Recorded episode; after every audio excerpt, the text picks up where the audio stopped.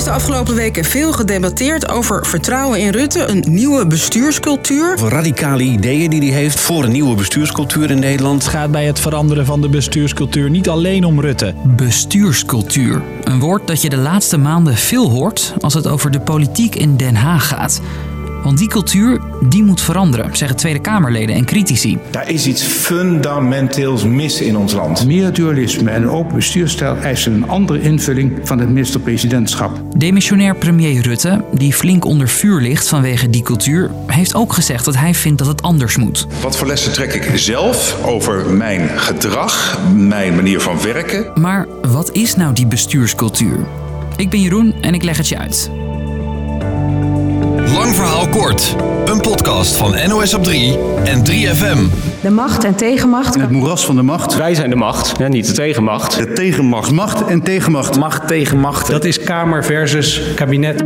Net als dat je het hebt over de Nederlandse cultuur, is de bestuurscultuur niet één specifiek ding. Maar het belangrijkste is, politici willen dat de Kamer meer macht krijgt om het kabinet te controleren. Dat vertelt mijn collega Marleen de Roy. Ze hebben dus concreet al allemaal ideetjes van hoe dat er dan uit zou moeten komen te zien. En dan gaat het bijvoorbeeld over dat ze geen coalitieoverleg meer doen elke week. Dat ze het regeerakkoord niet meer gaan dichttimmeren. Als eerst even dat regeerakkoord.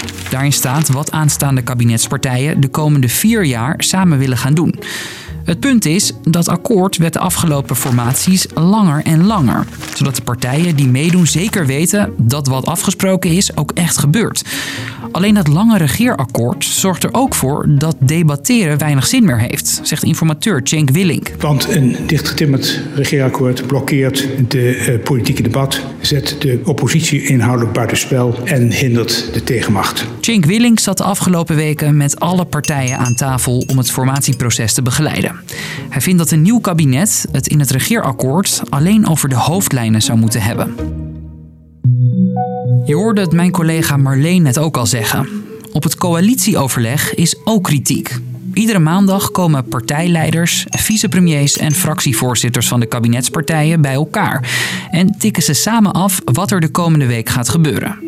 Als zij daar een beslissing nemen, geldt dat eigenlijk ook voor de rest van de partij.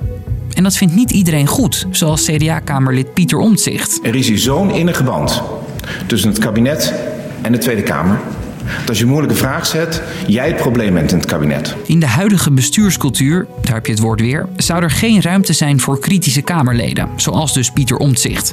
Het kabinet zou zelfs hebben geprobeerd hem weg te werken. Wat blijkt is dat er binnen deze muren wordt geklaagd over Kamerleden. Ook blijkt dat CDA-leider Hoekstra in de ministerraad zei dat hij Omzicht heeft geprobeerd te sensibiliseren.